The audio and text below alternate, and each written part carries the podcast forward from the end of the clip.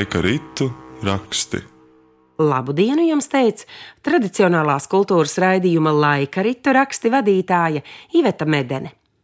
Vienā no raidījumiem folkloriste Janīna Kursīte, etnogrāfi Anita Karlsone, audēja Inese Krūmiņa un arheologs Guntis Zemītis dalījās savā zināšanās par ļoti spēcīgu, mistikas pilnu un reizē mūsdienās ļoti populāro rakstu zīmi - ugunskrustu.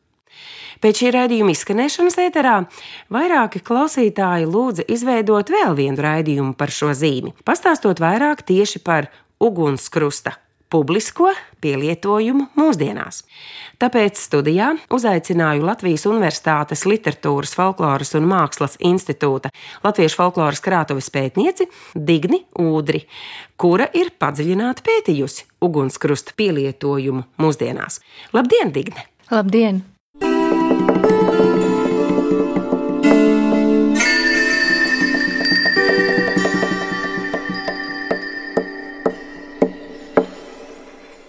Pastāsti, Digne, kas tevi pamudināja pievērsties ugunskrusta pētniecībai? Nu, vispirms jau tā bija interese par eh, latviešu ornamentu kopumā. Jau kādus vairākus gadus sekojot līdzi šai mūsdienās ļoti plaukstošajai tradīcijai, bija diezgan uzskatāmi redzams, ka ugunskrusts ir ļoti liela daļa no tā visa, bet um, diezgan ilgi man gribējās no šī temata izvairīties, jo tas, protams, nav vienkārši. Bet kaut kā es līdz tam tomēr nonācu, saprotot, ka no tā izvairīties nevarēs, jo tas ir tik aktuāli un šķiet, ka pēdējos gados tādā publiskā lietojumā ugunskrusts ir redzams aizvien vairāk un aizvien biežāk. Bet kāpēc tieši ugunskrusts tevi uzrunāja un cik gadus ilgi tu pētīji? Kā sauc šo pētījumu? Tas bija mans maģistra darbs, un tam ir sekojusi arī publikācija humanitāro zinātņu žurnālā Letonika.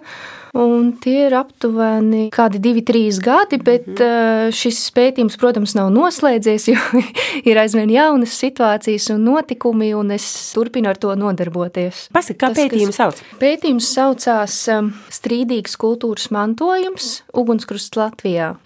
Nu, lūk, un uh, tas, kas mani interesēja, bija um, Nu, mēs zinām šo ļoti sarežģīto 20. gadsimta vēsturi, un mēs zinām svastikas vēsturi un kā tas viss ir noticis. Man likās interesanti uzzināt, un likās interesanti dzirdēt to cilvēku stāstus, kuri par spīti šīm negatīvajām konotācijām tomēr izvēlas šo simbolu lietot. Kāds ir viņu stāsts, kāds ir viņu pamatojums, un vai viņi nejūt šo negatīvo bagāžu, kas nāk līdz šim simbolam, kā viņi ar to tiek galā.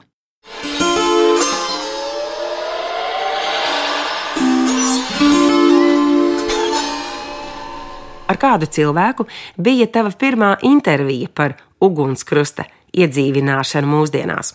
Šķiet, ka pat pirmā vai viena no pirmajām intervijām bija ar Stāmerienas tautas nama vadītāju. Un stāsts par stāmerienu ir tāds, ka nu, ugunskrusta vēsturē Latvijā stāmeriena, man liekas, vispār ir nozīmīga vieta, un tas jau arī iepriekšējā raidījumā tika pieminēta šī krāšņā un ārkārtīgi skaistā stāmerienas villaine, kur ir šie vairāk kā 30 ugunskrusta veidi.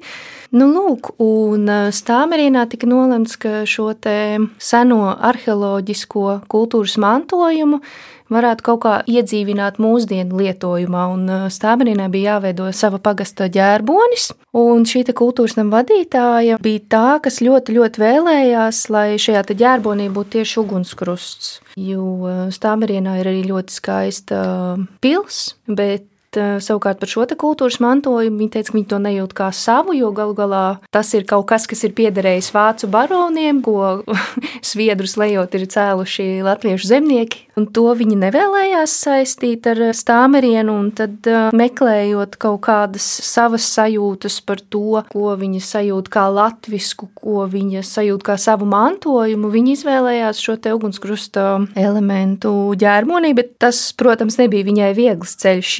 Vietējos cilvēkus pārliecināt viņai nebija pārāk grūti. Tad bija jāatrod mākslinieks, kas to izpildītu, un tad, protams, bija jā, jādodas uz heraldikas komisiju. Un tur man šķiet, ka viņai gāja visgrūtāk. Jo ar pirmo reizi neapstiprināja, bet kaut kā līdz tam tomēr nonāca, ka šis te stāmerienas pagasta ģērbonis ir ar uh, ugunskrustu. Nu, lūk, un tāpēc uh, arī es intervēju šo te kultūras namu vadītāju, jo man interesē tas viņas pieredzes stāsts, jo galu galā tas tomēr ir tādā valstiskā līmenī, un šo te ģērboņu lietojumu nosaka ar likumu. Un, vārds sakot, nopietna lieta. Kā viņi Jā. pamatoja un dabūja to gatavu? Tieši ar to, ka ir šī krāšņā villaini un ka tas Kā, ir tur uh, stāmerienā atrasts, un šī kundze bija ļoti entuziastiska. Tas jau bija šķiet pirms diviem, trim gadiem, kad es viņu satiku, un tad viņas lielais tāds sapnis bija uz Latvijas simtgadī, ka viņi varētu stāmerienā tikt pie villainas replikas, kad viņa varētu arī parādīt, lūk, no šejienes nāk tas ģērbonis. Es gan nezinu, bet es ļoti ceru, ka viņai izdevās. Īstenībā ir tā, ka šobrīd arī strādu pagasta ģērbonī ir ugunskrusts veseli trīs patiesībā, un arī Beverīnas novadam ir šī arheoloģiskā sakta stilizēta, kur ir četri ugunskrustiņi. Ja mēs skatāmies tādu publisku ugunskrustu lietojumu, tad, teiksim, var runāt par tādiem trīs līmeņiem. Ir individuālais, tad ir tāds valstiska mēroga, un tad ir starptautisks. Un, protams, jebkas, kas saistīsies ar šo starptautisko mērogu, tur nu tiek darīts viss, lai jebkādā veidā izvairītos no šīs te ugunskrustu lietošanas. Tā, piemēram, šķiet, ka tas bija 2006. gads, kad bija NATO samits šeit Rīgā, un um, dalībniekiem bija paredzēta um, šo etnogrāfisko dūraiņu dāvināšana, un iepirkumā vienīgais nosacījums bija, ka tajos nedrīkst tikt iedīts ugunskrusts. Tā kā tādā starptautiskā mērogā vienmēr būs kaut kā cenšanās izvairīties. Valstiskā līmenī tas, ko es esmu piefiksējusi un uzskatāms piemērs, ir šie te ģērboņi kaut kā tomēr var dabūt gatavu, bet, protams, arī ir izņēmumi. Nu, un, jā, individuālā līmenī tas jau ir citādāk. Tur bieži vien tās ir tādas ļoti personiskas vienošanās ar sevi vai līdz cilvēkiem. Ja kādam ir interese apskatīt Beverīnas novada stāmerienas un stradu pagasta ģērboņus, tad tos ir iespēja tūlīt aplūkot Latvijas radio mājaslapā pie šodienas raidījuma laika ritu raksti apraksta.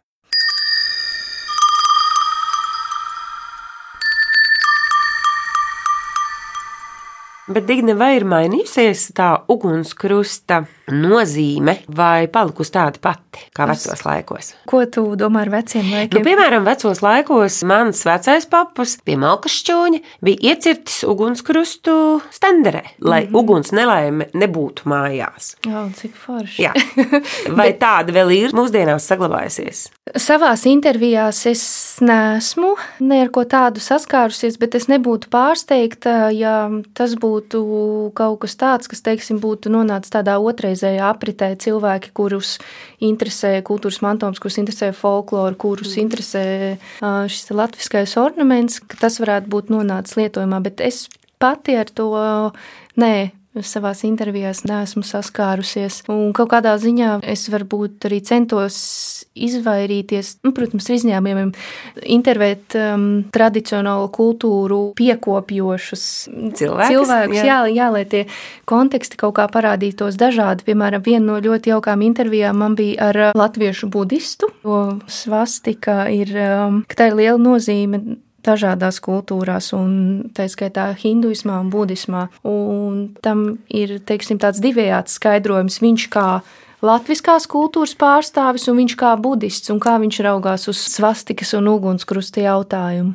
Viņš bija uz sava dzīvokļa durvīm radījis tādu zīmējumu, savu interpretāciju par to, kā viņš redz ugunskrustu, kā viņš redz svastiku. Kad es viņam jautāju, kāpēc tieši uz durvīm, mēģinot vilkt kaut Jā. kādas paralēlas, varbūt viņš teica, ka nē, tas laikam tā neapzināti. Nu, bet kāda tā nozīme mūsdienās tomēr ir ugunskrustam?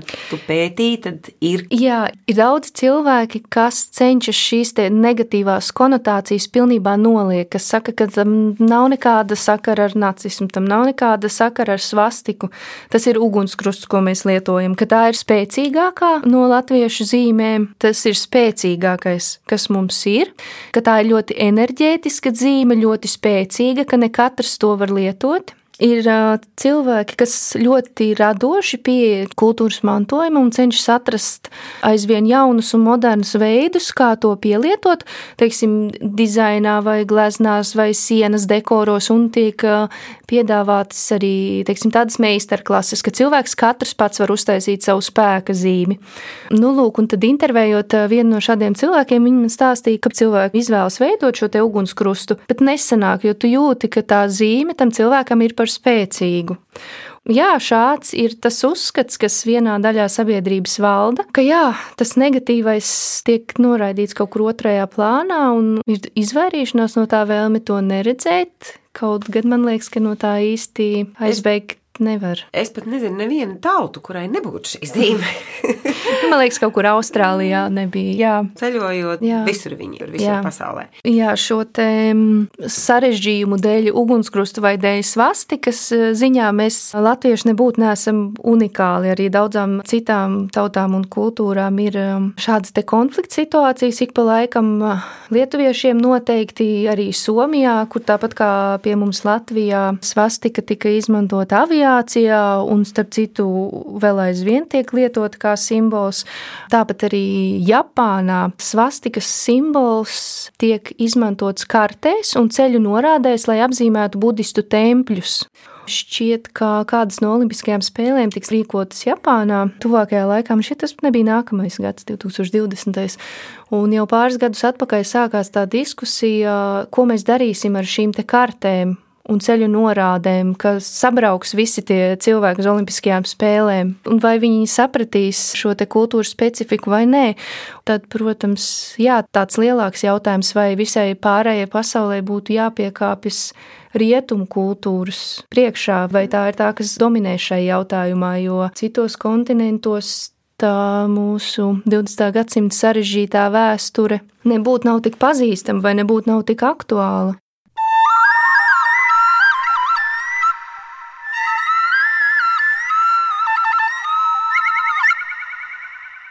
Pielieto mūsdienās šo te zīmi Latvijā? Mm. Kur tikai nepielieto.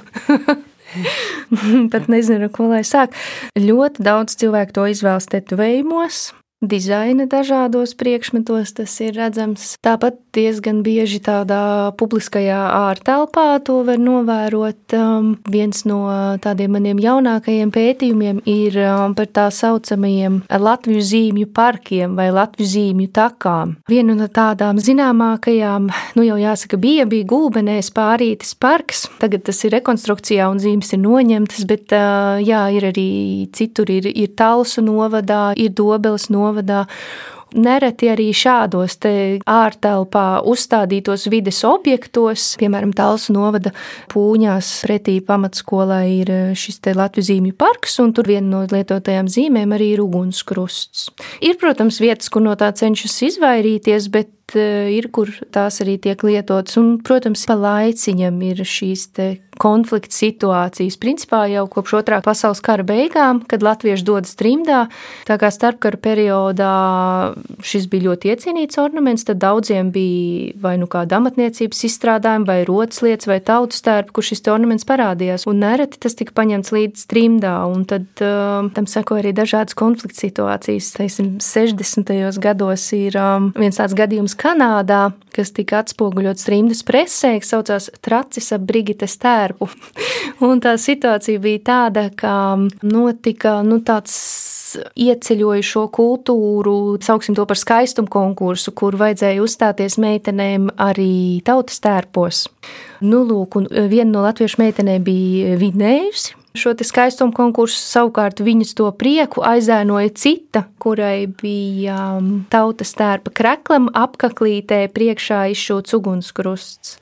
Un tad eh, tādā vietējā latviešu presē šis tika pacelts ļoti aktuāli jautājumu līmenī, kā meitenes mammai nācās darbā skaidroties, ka viņas meita nevelk ugunskrustu un ka turpmākajā laikā tikšot darināts pareizs etnogrāfisks tautas tērps bez ugunskrusta. Un ir ļoti daudz šādi gadījumi. Pagājušā radījumā arī tika pieminēts šis gadījums ar Dienāmo hokeja spēli. Tāpat mazliet, es teiktu, šis e, traģikomiskais gadījums ar um, zālienā izpļauto svastiku pie prezidenta pils. Tas laikam bija pirms kādiem trījiem gadiem. Jā, kad uh, kāds strādnieks sakopjo teritoriju, bija zālienā izpļāvis ugunskrustu, un pēc tam parādījās bilde sociālajā vietnē Twitter ar šo izpļauto ugunskrustu. Un, protams, var spriest un diskutēt, vai šī bilde bija īsta vai nē, kas tur tiešām notika. Savukārt tas, kas parādījās pēc tam sociālos mēdījos, tas bija paskaidrojums no šīs firmas, kas patiešām bija īsts. Un tur tika runāts par latviešu dzīves ziņu, par latviskajām tradīcijām. Tā kā tas bija pirms Jāņiem, tad eh, viens no attaisnojumiem bija, ka šajā pirms Jāņu enerģētiski spēcīgajā laikā strādnieks ir izpļāvis ugunskrustu, lai zāle, kur izskatījusies sausa, labāk atkoptos. Šādiem notikumiem seko līdzi arī mēdī citās valstīs, un šis gadījums konkrēti tika atspoguļots Krievijas propagandas mēdījos, un tur tas stāsts, protams, ir pavisam citādāks. Tur vairs nav ne latviskās dzīves ziņas, ne senču tradīcijas.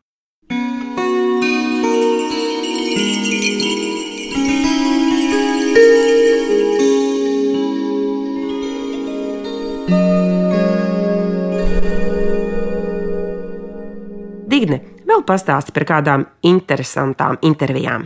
Jā, par intervijām. Vēl viens no cilvēkiem, ko es intervēju, bija trimdas latviešu puisis, kas samērā nesen ir pārcēlies uz dzīvi šeit, Latvijā. Un uzaudzis viņš ir Vācijā. Tur jau, protams, tā attieksme pret svastiku ir pavisam citādāka. Un līdz ar to viņam tās sajūtas savā ziņā arī ir diezgan sarežģītas, jo augot tādā vidē, pārceļoties šeit uz Latviju, kā viņš man teica, es vienkārši visur redzu svastiku. Uh, bet um, tāpat laikā viņam ir arī latviskā kultūras mantojuma bagāža, un viņš stāstīja, ka viņam, piemēram, Vācijā mājās stāvējuši sekcijā dainu sējumi, kuriem virsū ir šis te ugunskrusts, un tad citreiz, kad atnākuši ciemos vācu draugi, tad tas vienmēr viņam bijis tā, o, oh, kas tas? Jā, interesanti stāstīt par to, kas tas ir šis latviskais mantojums un ka tam nav nekāda sakarne ar eh, nacismu, neko citu. Bet, nu jā, šeit Latvijā savukārt viņš to diezgan spilgti izjuta, ka šeit stipri vairāk šis simbols tiek lietots.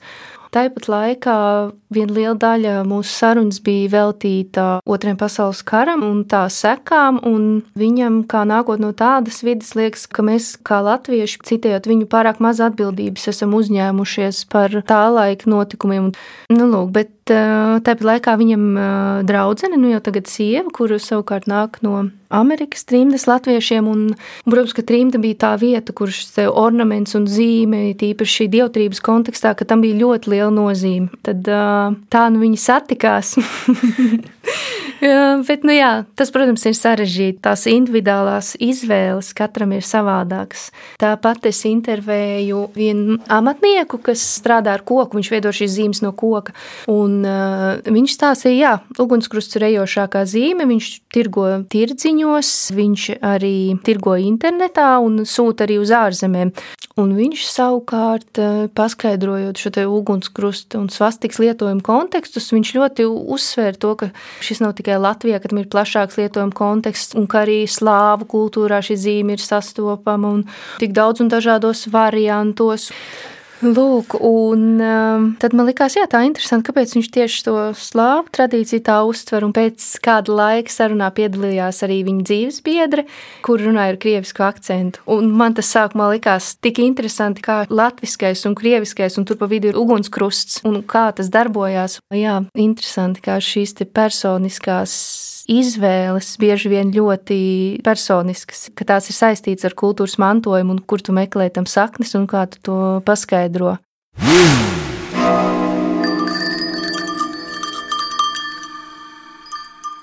Vai ugunskrustu vairāk nevajadzētu iedzīvināt mūsu ikdienā? Ir daļa cilvēku, kas saka, ka mums nevajag no tā kautrēties, mums vajag izglītot sabiedrību, mums vajag to lietot, kur vien iespējams, un skaidrot un stāstīt. Es īsti nepārstāvu šādu viedokli un arī negribētu, lai tā izklausās, jo es tomēr to uztveru kā ļoti jūtīgu jautājumu, un man liekas, ka ir gana daudz tādu konfliktu situāciju, kur tu nevari pieiet ar tādu ļoti striktu viedokli.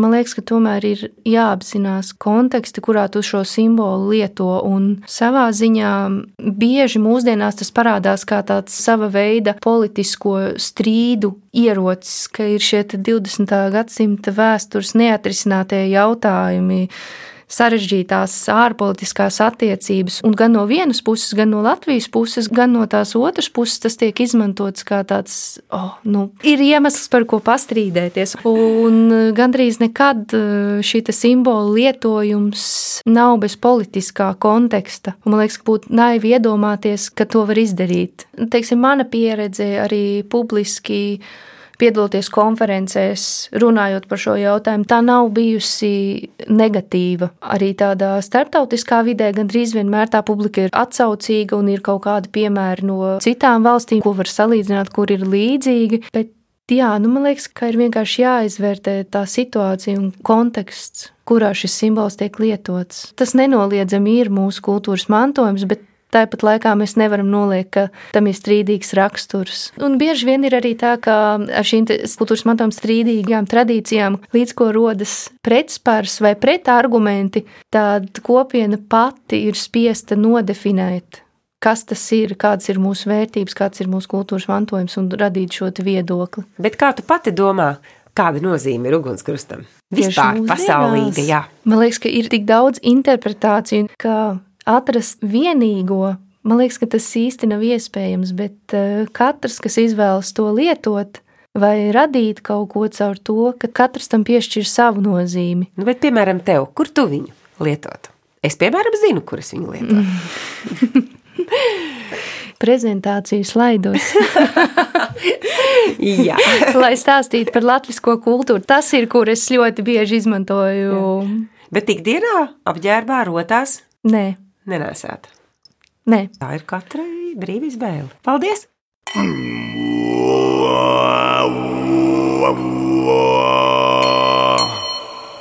Tradicionālās kultūras raidījumā laika ritu raksti par ugunskrusta nozīmi un pielietojumu mūsdienās runāja Latvijas Universitātes literatūras, folkloras un mākslas institūta Latviešu folkloras krātuves pētniece Digne Udre, skaņu režijā Reinis Budze, raidījumu vadīja Iveta Medene. Uz sadzirdēšanos nākamajos laika ritu rakstos.